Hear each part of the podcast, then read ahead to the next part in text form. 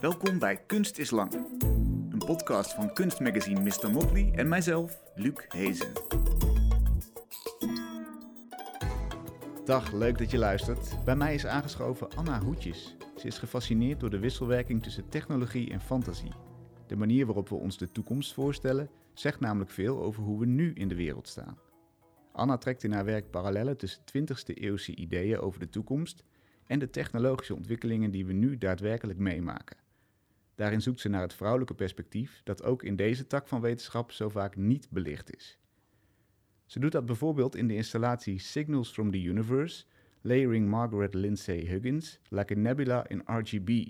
Hier ligt de aandacht op het werk van Margaret Huggins, de onderzoeker en astronome die wij vooral kennen als de vrouw van William Huggins, terwijl ze samen hebben uitgevonden dat er een verschil is tussen nevels en sterrenstelsels. De afgelopen tijd is Anna vooral bezig met ruimtevaart en astronomie. Ze heeft net een research residentie afgerond bij de European Space Agency. Welkom Anna, leuk dat je er bent. Dankjewel, heel leuk. Laten we eens beginnen met die installatie Signals from the Universe. Je hebt daar een gedicht bij geschreven, volgens mij introduceert hij het werk heel goed. Wil je hem eens voorlezen? Ja hoor, graag. In een hoge hal vol leren kaften poseren heren grijze baarden, hun gewicht in lood geëikt. Levendig dicteren zij de maten die wij meten, waar om te draaien, wel of weg te kijken. Thuis ritselen de rokken, turen hoge ogen, telescopen. Inkt schept op papier, geduldig overzicht, structuur. Huishoudboek en sterrenkunde vergen tenslotte vergelijkbare precisie. Hier rekent zij hoe los te breken van het witte licht. Bij thuiskomst vindt men kieren in het spectrum, opengesplitst, gespleten. Daar waar zij heimelijk verdwenen is, trekt toch de kamer in. Hoe zij ontsnapte aan de zwaartekracht is nooit berekend. Men vraagt een vrouw tenslotte niet hoe zwaar zij weegt. Ik vang haar golven op, die fractie door het universum uitgewaaierd. Haar berekeningen onontcijferbaar opzij gelegd, in de binaire bolwerken van deze tijd. Mooi. Margaret Huggins Mhm. gaat het over. Vertel eens, wat zien we in de installatie? Kun je hem eens beschrijven? Nou ja, het is een, eh, eigenlijk een, een, een soort verzameling van een heleboel verschillende werken die ik ooit in Kunsthuis Siep heb gemaakt tijdens de allereerste lockdown. Dus toen heb ik ook dit gedicht geschreven. Het is heel grappig om aan die tijd terug te denken dat we met z'n allen in een soort van verstilde wereld leefden. En eh, die installatie eh, zijn allerlei lichtwerken, lichtkasten. Eén lichtkast eh, zijn eigenlijk, is een portret van Margaret Lindsay Huggins. Zij was eh, een eh, astronome zelf, een hele rare vrouw met wilde Einstein-achtige haren. En, en haar man was een hele beroemde sterrenkundige. Maar zij was voordat ze hem leerde kennen ook al zelf eigenlijk best wel succesvol. En samen hebben ze hun hele leven toegewijd aan, aan uitvindingen en, en waarnemingen doen. Maar zij is redelijk onbekend gebleven. En in die, of in die eh, lichtkast zie je een portret van haar eigenlijk soort van in stukken uiteengetrokken en in verschillende lagen opgebouwd. Dus je ziet rood, groen en blauw, RGB. Eh, als je er recht voor staat, dan is het een zwart-wit eh, foto. En als je gaat bewegen, zie je dat die opgebouwd is uit verschillende kleuren. En dat is eigenlijk een techniek waarbij, waarmee ook heel veel nebula's eh, ja, worden weergegeven in de sterrenkunde. En, En, dat nebula is? is een, eh, is een eh, sterrennevel. Dus Mhm. dat is een soort wolk die, waarin sterren ontstaan. En ehm, ja, Margaret heeft daar vele van waargenomen door een telescoop en ontdekt. En ja, wat wij heel vaak zien van de ruimte zijn een soort van prachtige, kleurrijke, sublieme beelden. Maar dat is eigenlijk, zijn dat heel vaak gewoon golflengtes van licht die we helemaal niet kunnen zien. Maar dan geven ze aan elke golflengte geven ze een kleur. Dus dat geven ze rood, groen en blauw. En dat leggen ze dan over elkaar heen. En daarmee krijg je van die prachtige kleurrijke beelden. Dus het is een soort van feit en illusie tegelijkertijd. En ik wilde dat gebruiken om dan haar portret ook weer, weer te geven. Ja. Dus inderdaad, wat wij kennen van de ruimte is gemedieerd. Dat, dat kunnen, we kunnen het anders niet zien. Er is een vertaling nodig om ons iets Ja. erbij te kunnen laten voorstellen. Ja, en dat vind ik ook zo fascinerend aan de ruimte, dat het echt de ultieme gemedieerde omgeving is. Want we kunnen nooit zelf, zeg maar, de manier waarop we nu op, naar de ruimte kijken, kunnen we nooit zelf zien. We zijn eigenlijk heel ver bij zelf in het aarde of de stof staan, naar boven kijken en naar de sterren kijken. En, eh, en hoe we nu het universum zien, is, is altijd gemedieerd door technologie, door sensoren, door ja, dingen die golflengtes van licht kunnen waarnemen, die ons oog nooit zal kunnen waarnemen. Terwijl het eigenlijk als een soort harde wetenschap wordt gezien. Alles wat met ruimtevaart en sterrenkunde te maken heeft. Een soort van de ultieme wetenschap bijna. Ja, ja, en dat is het. Tegelijkertijd is dat het ook. Ja. Dus dat vind ik ook zo leuk daaraan. Het is, het is, eh, ja, het is illusie en feit tegelijk, zeg maar.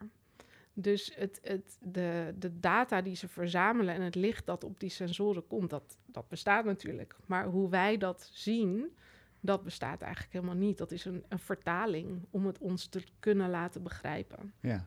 Hoe heb je dit toegepast om naar Margaret te kijken? Ja, dit, dit is ook een soort van eh, intuïtieve manier van hoe, hoe laat ik die, die gekke constructie, die, die ehm, ja, hoe, hoe, hoe vertaal ik die onzichtbaarheid van vrouwen op een manier die het ook over een bepaald soort onzichtbaarheid in de ruimte heeft, zeg maar. Dus ehm, ik wilde haar eh, beeld construeren op een manier zoals de ruimte ook geconstrueerd wordt. En waar, ja, waarmee de dingen die zij waargenomen heeft ook geconstrueerd worden. Ja. Wat feit en fictie is dus, want ze was er. Ze heeft werk Ja. geleverd en, en ja, minder bekend eigenlijk dan het werk van haar man. Ja. Eh, ja, je zou kunnen zeggen dat dat is hoe, hoe geschiedenis überhaupt werkt. Daar zit ook feit en fictie in. Feit in dat het gebeurd is, fictie in de zin, we selecteren het, we, we highlighten dingen, we verbergen dingen. Ja, ja ik vind dat ook. Ik, ik, zeg maar, bij specula speculatieve fictie of sci-fi gaat het heel vaak over de toekomst. Maar ik vind het ook heel leuk om, of heel waardevol, laat ik het zo zeggen, om, eh, om speculatieve geschiedenis eh, te schrijven zelf. Of, of dat te onderzoeken in mijn werk. Omdat je. Ja, dit is zo'n vormende tijd geweest. De tijd waarin bijvoorbeeld Margaret Lindsay Huggins leefde. Dat de wetenschap en ook het kapitalisme en, en arbeid en eh, een heleboel en hoe we navigeren, een heleboel hele existentiële dingen zijn toen gevormd die onze samenleving nu nog steeds vormen, maar die zijn heel erg door witte mannen gevormd. En, eh, en ik vind het belangrijk om me dan een soort van alternatieve geschiedenis voor te stellen waarin eh, bepaalde vrouwen eh, ja, veel wildere avonturen heb- hebben beleefd of veel vooraanstaander waren dan, eh, dan ze in werkelijkheid waren. Ja, hoewel dat misschien ook wel destijds meer erkend was dan de overlevering heeft vastgelegd. Dat zou natuurlijk ook nog kunnen. Zeker, ik denk dat eh, bijvoorbeeld haar man, ehm, Margaret, absoluut heel erg, eh, ja, die, die zag natuurlijk totaal hoe, eh, hoe slim zij was. En dat was denk ik ook waarom hij voor haar gevallen is. En ze Hmm. hebben zelf ja, echt zo bewust geen kinderen genomen en alleen maar, alleen maar ruimtewetenschap bedreven samen, zeg maar. Ehm, maar ja, als je dan... Er is één beeld wat ik altijd heel tekenend vind. Dat is de, de Royal Astronomical Society in eh, Groot-Brittannië. En dat is dan, dat is eigenlijk waar dit gedicht ook op gebaseerd is. Dat is dan zo'n hal in een bibliotheek waar alleen maar grijze mannen op staan. Mm. En, en dan, er zijn ook een aantal portretten van Margaret, maar daar staat ze altijd in haar eentje op. In een soort van gekke geconstrueerde situatie waarin ze zichzelf als wetenschapper portretteert, zeg maar. Maar dat moet heel eenzaam zijn geweest voor haar, zeg maar. Ja, dus, dus een, een beetje erkenning, maar dan wel als buitenbeentje en niet bij de kern van Ja. ja. ja, de mensen die de kennis produceert. Nou, en er zijn heel veel vrouwen geweest die heel veel werk hebben verricht, maar echt het kutwerk, zeg maar. Dus die deden gewoon wat nu door computers wordt gedaan. Zij heten ook, daar komt het woord computer ook vandaan. Dat waren computers, human computers. En die deden gewoon alle berekening, letterlijk alle dataverwerking. Die, die processed de data eh, van de observaties van telescopen. Dat kwam een beetje op met de fotografie. Dus toen konden uh, zeg maar observaties door telescopen werden dan op fotografische platen vastgelegd. En dan kon een op een nacht een heleboel platen worden gemaakt. En dan overdag moesten die vrouwen dat allemaal verwerken. Maar die vrouwen kregen daardoor zoveel kennis dat ze echt waanzinnige ontdekkingen deden en allerlei dingen, allemaal soort van structuren en, en dingen daarin konden ontdekken. Maar daar werden ze niet voor erkend. Dat kwam gewoon op naam van hun uh, baas te staan, dat hmm. soort ontdekkingen. En dat begint nu wel meer terug te komen. Dat, dat daar nu achteraf wel steeds meer erkenning voor komt. En wanneer was dit? Wanneer speelde dit al? Zo rond 1900. Uh, ja, ja, zo 18, 1895. Zo rond die tijd. Ja. ja. En, en je zei, daar komt het woord computer ook vandaan. Ja. Leg eens uit. Ja, berekenaar betekent to compute is uh, om iets te berekenen. Ja. ja. En dat, dat, dat hersenloos, dus aanhalingstekens werk, moesten vrouwen doen, maar ze kregen niet credits. Ja, en, la, en dan zie je dat, dat zeg maar witte vrouwen zichzelf langzaam vanuit die positie opwerken naar wat betere posities in de wetenschappelijke wereld. En dat het dan uh, zwarte vrouwen worden die dat werk uh, doen. Uh, en daar, daar is ook een best wel succesvolle film over gemaakt, over de NASA, de West Computers. zwarte vrouwen die, ja, die gewoon extreem goede wiskundigen waren. Ja. En al die berekeningen aan het doen waren. Ja, ook een beetje tegen wil en dank dus. Ja, en, maar, maar je ziet dat het dan ook wel een positie is waarvan uit ze zichzelf weten te emanciperen. Dus omdat ze zoveel kennis vergaren door die dataverwerking, uh, worden ze ook heel waardevol en onmisbaar. En dat zie je ook bij die, die uh, NASA, die zwarte vrouwen. dat zie je ook bij die zwarte vrouw van NASA, dat, uh, ja, dat veel van hen toch wel redelijk goeie, uiteindelijk redelijk goede posities binnen de NASA wisten te bemachtigen. Uh, dat ze wel de eerste female engineer, zwarte female engineer konden worden bij NASA en zo. Ja, je had het net over speculatieve fictie, dat het een interessant element is. Je doet het vaker bijvoorbeeld in het werk Vega, heel mooi en, en op een grappige manier, gerelateerd aan een Frans-Russische ruimtemissie. In 1986, twee meters hoge ballonnen gaan in de buurt van Venus informatie verzamelen met meetapparatuur eraan sturen dat dan naar de aarde. Jij hebt zo'n ballon precies nagemaakt, maar die gaat dan op zoek naar informatie over vrouwelijke astronomen. Net zo zeldzaam blijkbaar. Dat vond ik al een heel grappig gegeven. Um, maar dan zit er ook nog een soort fictieve rapportage in over de vroege aanwezigheid van vrouwelijke ruimtevaarders. Wat is de waarde van jou, voor jou van die fictieve verhalen? Waarom zet je ze in? Ja, dat is voor mij eigenlijk een manier om uh, me een geschiedenis voor te stellen waarin uh, vrouwen en ook mensen uit heel veel verschillende culturen gewoon een veel prominentere uh, rol hebben gespeeld in, het, uh, ja, in de, de eerste dagen van de wetenschap, zeg maar. De, het, het woord pionier vind, is, vind ik altijd een beetje een problematisch woord, maar ja, me voorstellen dat ook vrouwen en, en, en vrouwen van kleur pioniers hebben kunnen zijn. En, en ik denk, ja, ik, ik heb dan een gevoel dat daarmee ook een soort basis gelegd kan worden voor een meer holistische uh, soort van ruimteverkenning. Dus dat ruimteverkenning, um, ja, wat ik, wat ik in dit werk, want het gaat dan heel erg over die ballonnen, een hele mooie metafoor vind, is dat een ballon kan je nooit besturen. Dat is, een luchtballon kan je niet besturen, dat is een feit. Je, je bent afhankelijk van de luchtstromen. En, uh, en daardoor moet je dus de omgeving waar je, die je gaat verkennen, moet je een soort van de leiding laten nemen. Mm. En uh, in dit werk stel ik me ook voor dat, ja, dat je de, de, de, de kosmos en, en misschien ook zie ik dat als een soort van alternatief voor het kolonialisme, waar van ik denk dat de ruimtevaart toch nog steeds vandaag de dag zo koloniaal is. In, in een manier van denken van we gaan Mars veroveren en koloniseren. Ze hebben het ook echt over colonies op Mars hmm. en, uh, en de maan.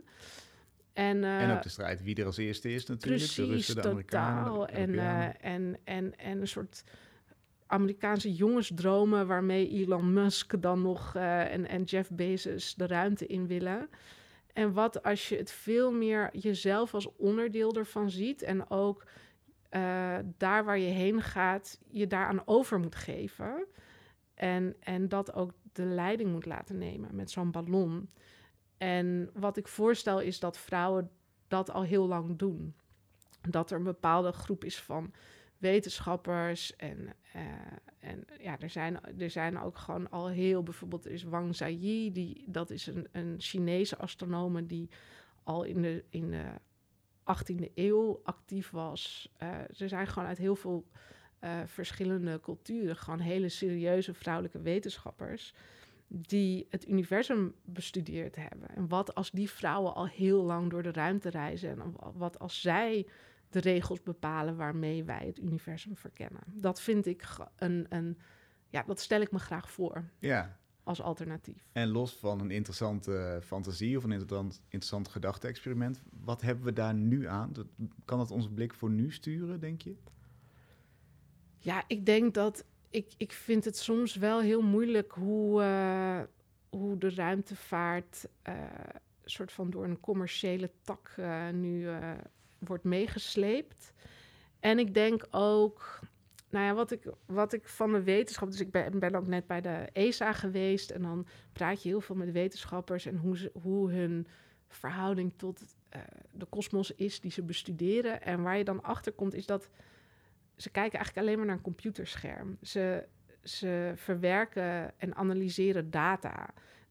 En die ja, wetenschap heeft steeds minder te maken met onze zintuigen. Dus we moeten steeds meer vertrouwen op, uh, op sensoren. Dat, uh, vroeger was de wetenschap natuurlijk observeren met onze eigen zintuigen. En nu is de wetenschap observeren met technologie geworden. Mm. En ik denk dat het daardoor heel makkelijk is om onszelf buiten dat wat we waarnemen te plaatsen. Om ons een soort van ja, we voelen het niet meer dat wat we waarnemen, zeg maar. maar wat zou het gevaar daarvan zijn? Want we nou, kunnen het ook niet dus, waarnemen natuurlijk. Nee, ja, maar ik denk dat dat, dat wel iets is waardoor je uh, een soort van vervreemde en analytische relatie tot dingen krijgt. En dus, ja, het is een illusie dat je er buiten staat, want je maakt er totaal deel van uit. Onze lichamen maken, ja, dat is een soort van de essentie. We nemen de wereld om ons heen waar omdat onze lichamen in die, zich in die wereld bevinden. En ik denk dus soms, als ik erover nadenk, dat is misschien ook een beetje, beetje filosofisch of zo, maar denk ik, ja, dat is misschien ook waar, door we nu zo'n destructieve relatie met de natuur hebben en met onze omgeving, omdat op een of andere manier we niet meer het gevoel hebben dat ons lichaam erin zit of zo. Dat we onszelf erbuiten kunnen plaatsen makkelijker. En ik denk wel in hoe ik dan over de kosmos en de aarde nadenk. Dat ik het heel belangrijk vind om een soort van lichamelijke verbinding daarmee te voelen. En dat je daar echt deel van uitmaakt. En dat, uh, dat je een soort van holistische manier van observeren en verkennen hebt. Waar je zelf heel erg deel van uitmaakt. Hoe zou dat eruit zien? Want, want we begonnen zo straks met het idee... ja, eigenlijk is die ruimte zo ver en zo anders van aard dat we het niet eens kunnen waarnemen fysiek. Dus we hebben die intermediair nodig om dat te doen. Hoe zou het anders kunnen?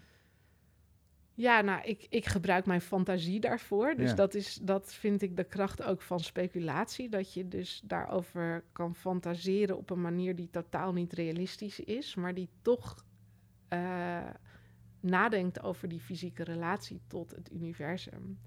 En dat probeer ik ook met mijn werk, denk ik, te doen. Dat ik dat, ik dat op een bepaalde manier uh, tastbaar maak. Hier of in mijn keramieke werken ook. Dat ik, um, ja, dat ik, dat ik uh, Venus namaak. Of dat ik. Of dat ik de uh, samenstelling van de grond heb je nagemaakt, hè? En, en, en een soort van landschap heel glimmend en kleurrijk. En heel een soort van aantrekkelijk voor je laat zien. Of zo'n ballon laat zweven in een tentoonstellingsruimte, die dus ook echt door de atmosfeer van Venus gezweefd heeft. Of een videowerk maak waarin uh, een vrouw de ogen achterlaat in de ruimte. Um, en, en op die manier probeer om op een hele fictieve en, en absurdistische manier toch het universum uh, te belichamen of tastbaar te maken op een of andere manier. En dat dat meer fictie dan feit is, is niet zo relevant dan, denk ik. Nee, dat is ook dat is juist de kracht, denk ik, van dat ik als kunstenaar de vrijheid neem om dat te doen. Ik, ik, ben, ik hoef niet uh, correct te zijn, zeg Mhm. maar. Ik hoef niet de feiten te volgen zoals je dat in de wetenschap moet doen.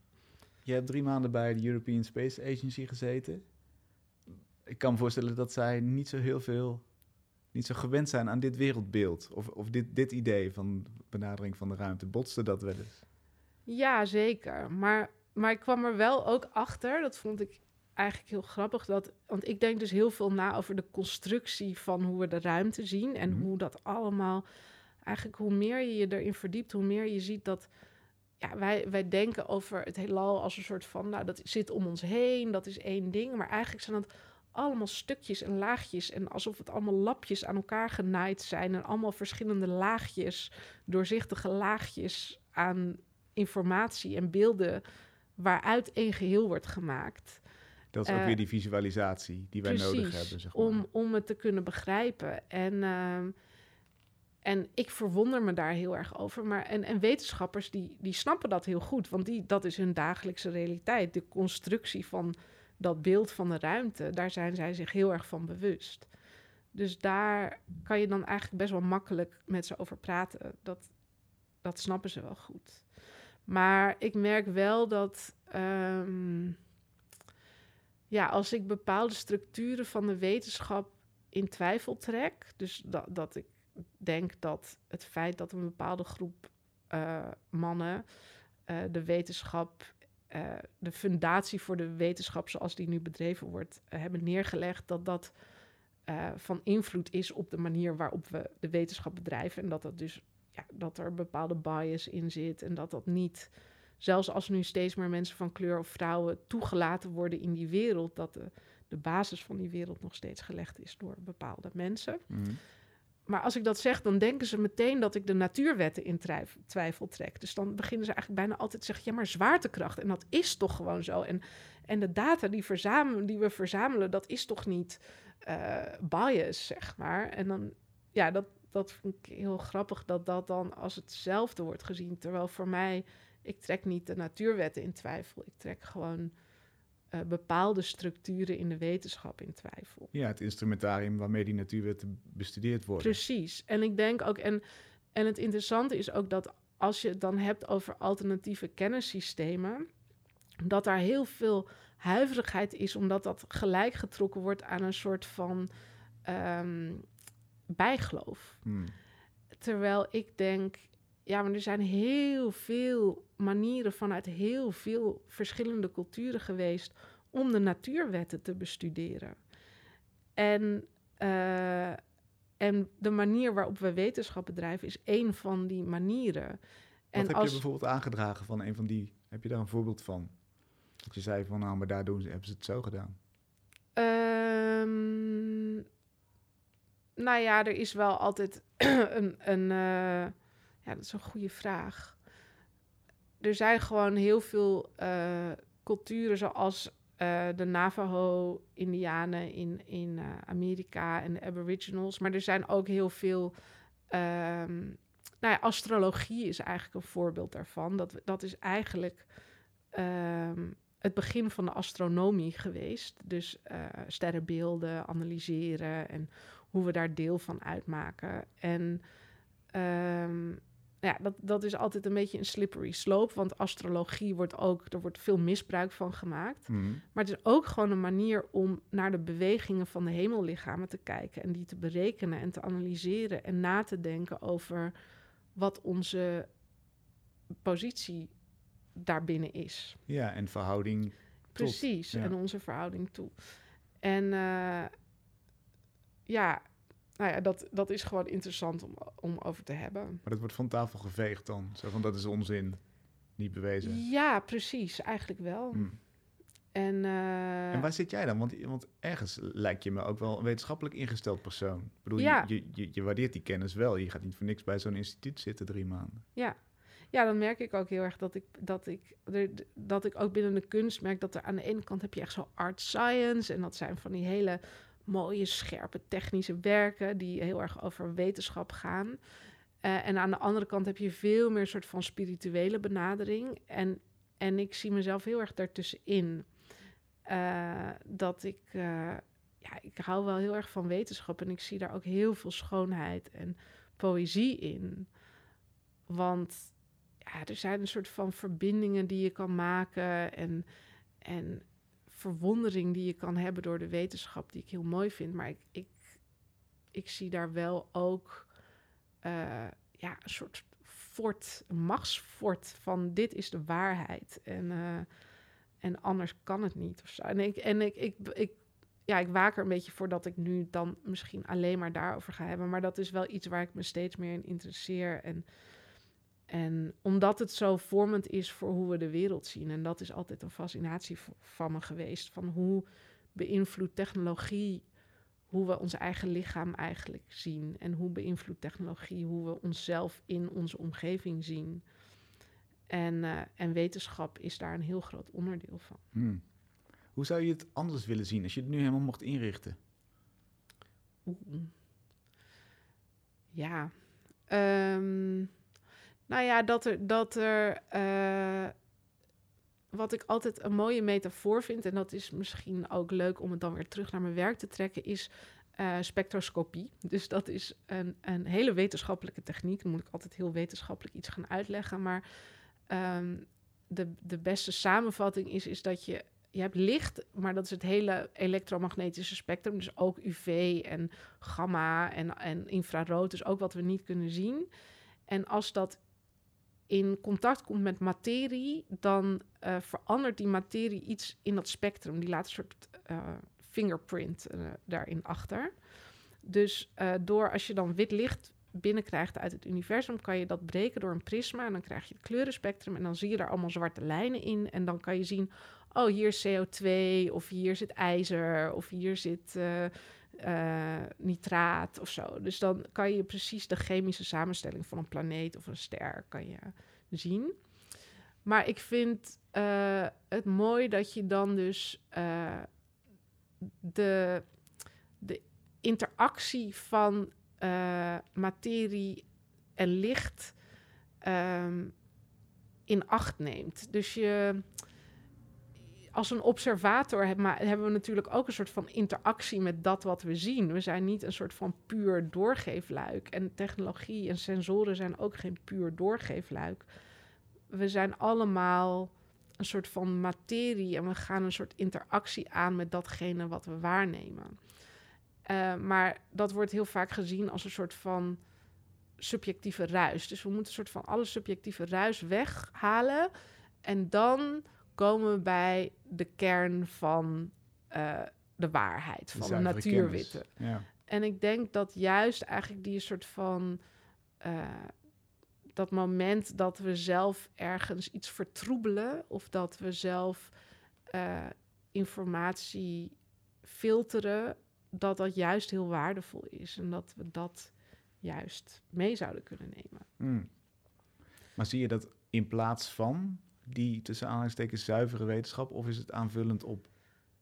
Nou, ik zie het wel als aanvullend op, denk ik. Ja. Want ik zie de wetenschap niet als, uh, als larikoek, zeg maar, of Nee. zo. Dus ik denk niet van, oh, de wetenschap is onzin of zo. Maar ik denk wel van, oh ja, we zouden wel wat genereuzer kunnen zijn in, in wie wat op wat voor manier waarneemt. En dat dat ook er mag zijn. Mhm. Dat het ook een waarheid is. En, en, ehm, en dat die, die verschillende manieren van kijken toch ook heel erg iets kunnen toevoegen. Ja.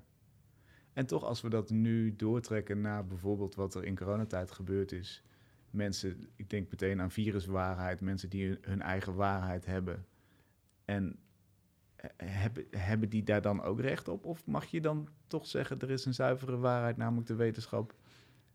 En vanuit daar gaan we redeneren. Ja, ja, dat is natuurlijk een ingewikkelde vraag. Maar ik denk dat in, in allebei de gevallen, zowel in, in een soort van alternatieve kennissystemen als in de harde wetenschap, er een soort van uh, misbruik plaatsvindt. Mm. En dat is natuurlijk ook bij astrologie zo, want dat je, ja, dat er heel veel, dat het ook als machtsmiddel wordt gebruikt vaak. Van, oh, je mag op die dag niet uh, met die trouwen, want dan gaat het helemaal mis. Of op die dag moet je een business transactie doen, want dan heb je geluk of zo. Weet je, er zit...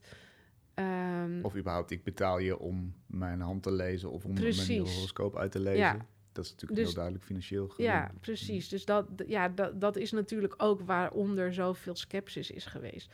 Dus ja, ik, ik, ik, heb het dan eigenlijk vooral over mijn kunst. Dat ik gewoon denk, nou, in de kunst vind ik dit wel heel erg een toegevoegde waarde om, om het hierover te hebben. En als we het dan over viruswaanzin hebben, ja, god, ik uh, snap dat ook niet zo goed. Maar ik denk dat je er ook weinig tegen doet. Ja, het is er nu, toch? Mm. Ja, je, je, je moet, ja, ik weet niet hoe je, hoe, of je dat tegen kunt gaan of zo. Dat is ook, denk ik, van alle tijden. Ja, maar ik denk dat daar misschien wel de verbeterheid van wetenschappers in zit. Dat is natuurlijk ook zo. En ik denk ook dat dat voor met een reden is. Want de schoonheid van de wetenschap is natuurlijk ook dat het zichzelf altijd in twijfel trekt. Ja. En dat zie ik ook heel erg als een meerwaarde. Dat uh, ja, het stelt altijd vragen van is het wel zo wat we tot nu toe waar hebben genomen? En dat is natuurlijk een hele mooie structuur. Ja, kan ik het onderuit halen? Ja. En zo niet, dan, dan zal het wel waar zijn. Dat is toch ook wel een beetje de, de vorm. En, als, en die, die regels hè, van, van, van reproductie, van uh, nou ja, uh, iets moet, je moet iets kunnen nadoen. Hè, iemand anders moet hetzelfde uit, dezelfde uitkomst krijgen in, in hetzelfde experiment. Wat voor regels zou je, denk je, voor kunst hanteren? Of welke hanteer jij voor, voor jouw werk? Oh, moeilijke vraag. Wanneer is je werk geslaagd? Ehm, nou, um, ja, ik denk dat een werk geslaagd is voor mij als het, uh, als het je soort van meeneemt naar een totaal nieuwe werkelijkheid. Uh, en, en je door die nieuwe werkelijkheid toch laat nadenken over hoe we naar het universum of naar uh, technologie of uh, naar de aarde kijken. En ja, dat, ik vind het een moeilijke vraag. Ik weet niet of ik zo hard me aan regels hou in die zin. Mhm. Maar uh, ja, dat, het, dat er dat vorm en inhoud en fantasie en wetenschap op een bepaalde manier samenkomen, die ja, die een nieuw soort lezing van die dingen mogelijk maakt. Ja. Laat ik het zo zeggen. En hoe ben je dan na die drie maanden bij de European Space Agency, hoe is je uh, blik veranderd op bijvoorbeeld ruimtevaart of de waarheid of uh, die, die, het snijvlak wat je net noemt? Ja, ik heb vooral gewoon echt heel erg veel geleerd. Technisch? Technisch, ja. En ik kwam soms ook helemaal uitgeput daar vandaan, want dan had ik gewoon echt de meest ingewikkelde natuurkundelessen gehad, zeg maar. En ik merk dat ik dan toch ook wel een wetenschapsnerd ben, dat ik daar best wel van geniet. Uh, ik denk dat niet iedereen dat zou hebben. Um, dus dat vond ik heel leuk. En, en waar ik nu vooral heel veel over na aan het denken ben, is inderdaad die constructie van hoe, hoe het universum wordt opgebouwd. Dus hoe dat aan elkaar wordt genaaid, hoe, dat, hoe golflengtes eigenlijk redelijk willekeurig bepaalde kleuren toegekend krijgen. En dat dat ook helemaal niet altijd hetzelfde is. Dat dat gewoon een beetje per wetenschapper verschilt wat voor kleur een bepaalde golflengte toegewezen krijgt, zeg mm. Um, gewoon wat het, wat bij wijze van spreken het meeste contrast op het beeldscherm oplevert of zo. Die kleuren worden dan gekozen. Ja. Waar je dus heel uh, duidelijk het, de stempel van, van de mediator ziet. Totaal. En, dat, en dat, daar wordt ook helemaal niet geheimzinnig over gedaan. Het is gewoon, ja, want het grappige is dat ze gewoon denken, ja, maar het gaat om de data. De, de visualisatie is meer een manier om dat een soort van leesbaar te maken. Ehm, en dus objectief. Ja, Of, of inwisselbaar en, en Ja, dus dat, zeg maar, het feit dat die kleuren nogal subjectief zijn, dat doet er eigenlijk niet zoveel toe als je naar de harde data kijkt. Maar voor het grote publiek maakt dat natuurlijk wel uit, want dat zijn wel de beelden die wij te zien krijgen en hoe wij het universum zien. Ja. Ehm, dus, dus daar heb ik wel veel meer kennis over gekregen en ook heel veel zin om daarmee aan de slag te gaan. En heb je ze dat aan hun verstand kunnen peuteren? Snappen ze dat, dat, dat, dat het uitmaakt of je blauw of rood gebruikt? Ja, bij, bij alles is er wel een soort van begrip natuurlijk. Het is niet alsof ze ehm, zich daar helemaal niet bewust van zijn. Ehm, dus ja, er is. Maar het is ook wel grappig om te zien dat ze inderdaad gewoon. Je hebt mensen die heel erg een soort van science communicators zijn. En die zijn dan veel meer met die beeldvorming bezig. En je hebt wetenschappers die gewoon ja, de data aan het verwerken zijn. En, en dat die science communication belangrijk is, dat begrip is er natuurlijk heel erg wel. Maar dat is nog niet, er zijn nog niet zo heel duidelijke regels over of zo. Dat, ja.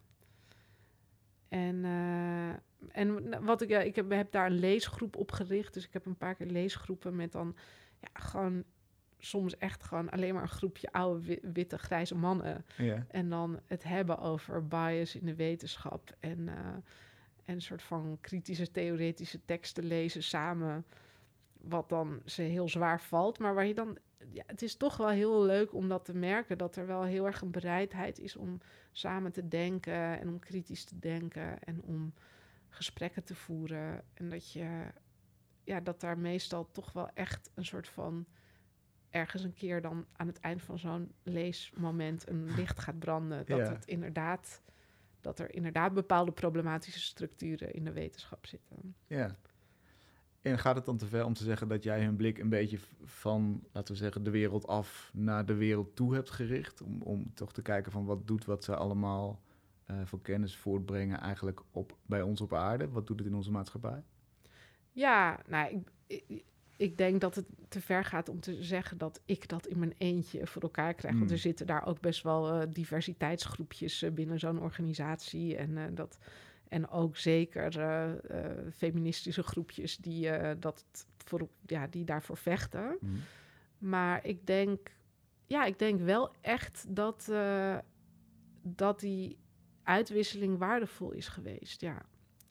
En maar soms voel ik me dan ook een beetje geïnstrumentaliseerd dat ik daar als kunstenaar binnen word gehaald om, om dit soort uitwisseling te faciliteren ja, of zo. de tegenstem te zijn. Ja. En, uh, en denk ik, oh ja, gaat het mij daarom? Maar dan, ja, toch ook wel. Ik vind dat wel belangrijk. En ik, wat ik nu wil gaan doen, is een workshop met die wetenschappers... waarin we eigenlijk een soort performance gaan doen... waarbij we na gaan denken over de bewegingen van ruimtevoertuigen. Want die, die, ja, al die missies die ze doen, die scannen het universum... en die en die zweven door de ruimte en die maken soort rituele, meditatieve, zich steeds herhalende bewegingen. Ze draaien om de aarde, ze draaien om de zon. En ze draaien rondjes om zichzelf. De sensoren daarin draaien en draaien. Dus eigenlijk vind ik het heel mooi om me voor te stellen dat het, ja, dat die, die ruimtevoertuigen eigenlijk hun eigen rituelen aan het uitvoeren zijn, de hele tijd Mhm. om ons heen. Dat die een soort van in meditatie de waarneming van het universum mogelijk maken.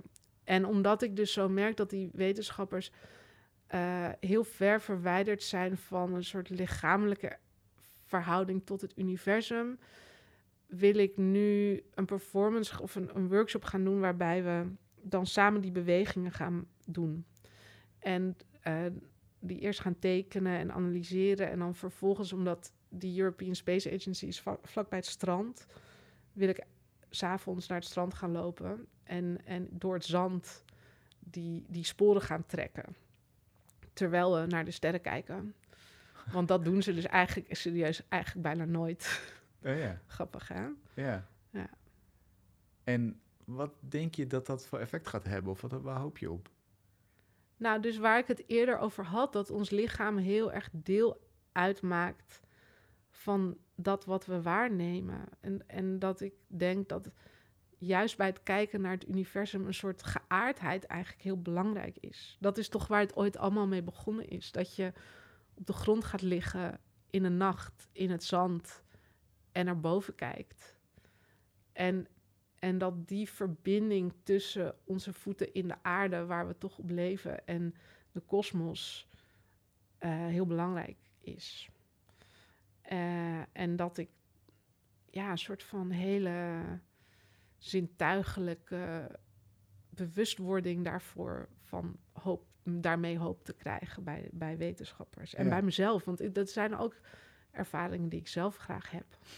En denk je dan dat dat, dat ook het begrip stuurt? Want dit is inderdaad het gevoel, ja. De, de, de, ja, het idee, hoe je gepositioneerd bent ten opzichte van die ruimte. Maar denk je dat het ook in de zuivere wetenschap, tussen aanhalingstekens, weer daar iets teweeg brengt, zo'n gevoel? Want eigenlijk is dat toch ook een beetje een, een pleidooi, als ik het goed beluister, van breng dat daarmee in verbinding. Ja. Ja, ik weet niet in hoeverre dat. Ehm, ja, ik, ik kan me niet een heel concreet voorbeeld voorstellen nu meteen ter plekke hoe dat dan iets zou veranderen. Maar ik denk wel dat het een soort van gevoeligheid teweeg brengt. Hmm. Een gevoeligheid die heel waardevol is.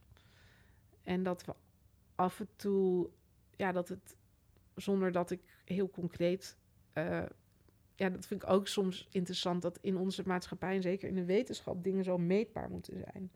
Dus ik weet niet echt wat uh, het resultaat ervan zal zijn, maar mhm. toch, mijn intuïtie zegt dat het heel waardevol is om, om die gevoeligheid te trainen. Een soort zintuigelijke, lichamelijke gevoeligheid, een verbinding met de natuur en de sterren. Ja. Nou, het meetbare is misschien ook wel een vorm van houvast. Onze, misschien onze belangrijkste vorm van houvast. Ja, maar ik denk wel dat dat ook best wel is doorgeslagen. Um, dat in onze maatschappij als iets niet meetbaar is, dat, dat, het heel, dat mensen het heel moeilijk een plek kunnen geven. Mm. Of een waarde, daar, zeg maar, waarde wordt heel erg gelinkt aan meetbaarheid. Terwijl ja, sommige waardevolle dingen zijn niet heel erg meetbaar. En dat, ja, dat, dat je sommige dingen wil meten, dat tuurlijk. Maar dus het, ik, het is niet per se een pleidooi dat we alle, alle, alles nooit meer moeten meten. Maar wel dat sommige dingen nou eenmaal niet meetbaar zijn en dat die ook een plek moeten hebben. Ja. Ik zit net te denken over de beweging die bijvoorbeeld die satellieten of die, die meetapparatuur dan maakt. Het feit dat dat cirkels zijn en dat die, dat die rondgaan, levert natuurlijk ook een bepaald soort data op. Dat is natuurlijk ook bedacht op een bepaalde manier. Ja. Zou, zou, zou daar ook nog een variatie in moeten, wat jou betreft, of, of, of nuttig zijn? Ja, goede vraag. Nou ja, dat zijn best wel ingewikkelde patronen. Hè. Het is mooi om dat op te zoeken. Dat zijn een beetje zoals je je spirograaf voorstelt, zeg maar. Uh, is dat, dat dat ding waar je, waar je mee tekende? Op ja, is van die rondjes met die tandwieltjes, zeg maar. En uh, het verschilt heel erg per ruimtemissie hoor. Maar, maar vaak worden er een soort van scanpatronen gemaakt in, in dat soort cirkels. Uh, die dan langzaam uh, een, een soort de hele, de hele hemel, of het, het filament noem je dat, uh, afscannen.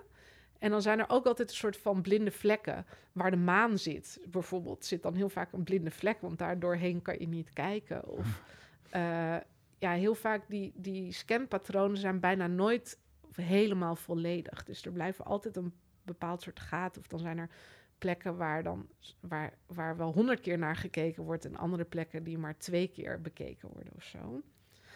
Ehm, maar ik, ja, ik kan dat niet zo goed inschatten. Of, of er misschien zijn er ook wel ruimtemissies die in vierkantjes kijken of zo. Dat weet ik niet. Maar ik denk dat dat circulaire, dat, dat, ja, dat is gewoon de kern. Wij, wij cirkelen om de zon. De aarde spint om uh, haar eigen as. En, en de maan draait om de aarde. En, en als je dus in orbit om de aarde heen draait, wat ja, een van de manieren is om een, een ruimtevoertuig eh, in de ruimte te brengen. Mhm. Ja, het is ook niet alsof je echt een alternatief hebt dan die, die orbit, zoals dat heet. Dan, Hmm. dan dat, die, En de ballon, gaat die uiteindelijk ook in diezelfde ronde mee door de stromen? Nou, de, de ballonnen dat vind ik ook eh, heel mooi gegeven. Die, die zijn ooit met een, een eh, ruimtemissie naar Venus gebracht. En die missie ging dan in orbit om Venus heen. En dan zijn die ballonnen losgelaten. Die waren natuurlijk niet opgeblazen. Dus die waren gewoon in een pakketje in, dat, in, in die raket, zeg maar. Ehm, en die zijn opgeblazen in de atmosfeer van Venus. En die hebben daar eh, een aantal dagen rondgezweven, gezweefd. Eh, en die liggen nu nog steeds op de grond van Venus. Dat is ook iets wat we, wat we vergeten. Dat alles wat we de ruimte insturen, wat op Mars landt of op de maan of op Venus, dat, dat blijft daar Mm. forever. Dus er liggen twee glimmende ballonnen op Venus.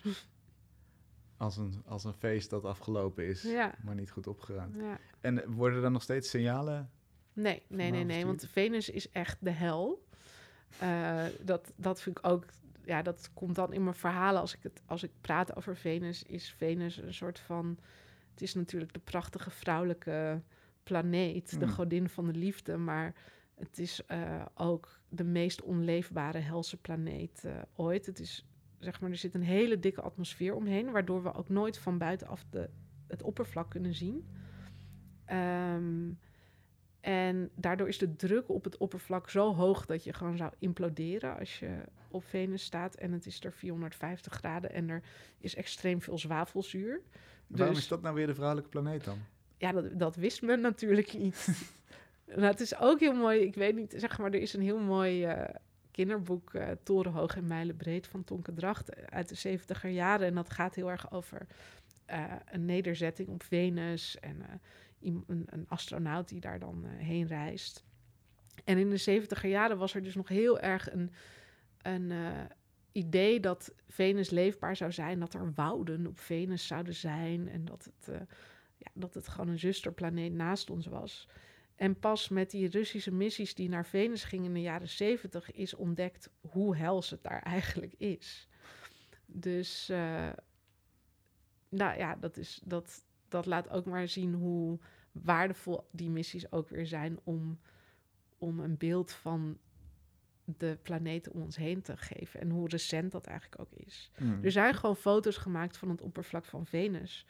Die, die, een paar jaar geleden kwam ik daar pas achter. In eind jaren 70, begin jaren 80 zijn er foto's gemaakt van Venus. En dat is extra poëtisch, omdat je nooit, nooit door de atmosfeer kan kijken. Dus er moest echt een lander landen op Venus. Die hield het maar een paar minuten vol in het begin, of helemaal niet. En pas met de weet ik hoeveelste missie hield hij het een uurtje vol om eh, foto's te maken en die terug naar aarde te sturen. En daarna is die volledig verschroeid. Nou, niet verschroeid, maar, maar als in, ja, dan, dan doet de apparatuur het gewoon niet meer. Dus, dus die lander, die is er nog wel. Eh, maar dan, ja, dan, dan eroderen de sensoren zo erg door het zwavelzuur en door de druk en de hitte, dat die sensoren gewoon een soort van... Maar ja, op zich is die lander er nog wel. Het is fascinerend hoe weinig we eigenlijk weten van wat er daar allemaal is. Van Ja. al die verschillende lapjes.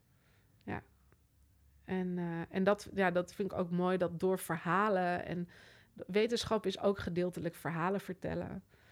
Ehm, en daardoor kunnen we ons dat voorstellen. En, en ja, kan ik me dus voorstellen dat er, dat er een soort van. eh, dat Venus een plek is waar, waar vrouwelijke eh, ruimtereizigers al eeuwen heel kortstondig naartoe gaan om hun respect te bewijzen aan de planeet maar ook die des- destructieve kracht van Venus eh, vereren, zeg maar. En, en, en, en inzien. En dus ook heel snel weer moeten wegwezen, zeg maar. En dat ze daar hun, hun sporen achterlaten die wij dan weer misschien terug kunnen vinden. Net zoals die ballonnen daar nog liggen. Dat zij ook andere dingen daar hebben achtergelaten. Wanneer kunnen we je werk zien, recentelijk? Ja, dat is ik, binnenkort in Beijing. Maar ja, dat is een beetje ver. Mocht je in de buurt En zijn? eh, in Nederland, eh, nee, kan, heb ik nu niks wat, wat al zo concreet is dat ik erover kan vertellen. Dus ik, ik eh, ben bang dat jullie dat van me te goed houden.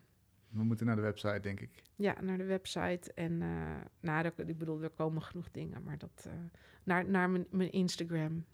Ja, alles is altijd op de Instagram te zien. Dankjewel. Dank jou. Tot zover deze aflevering. Die werd mede mogelijk gemaakt door het Amsterdams Fonds voor de Kunst, het Jaap Hartenfonds en door donaties van jullie. Veel dank daarvoor. We zijn er volgende week weer.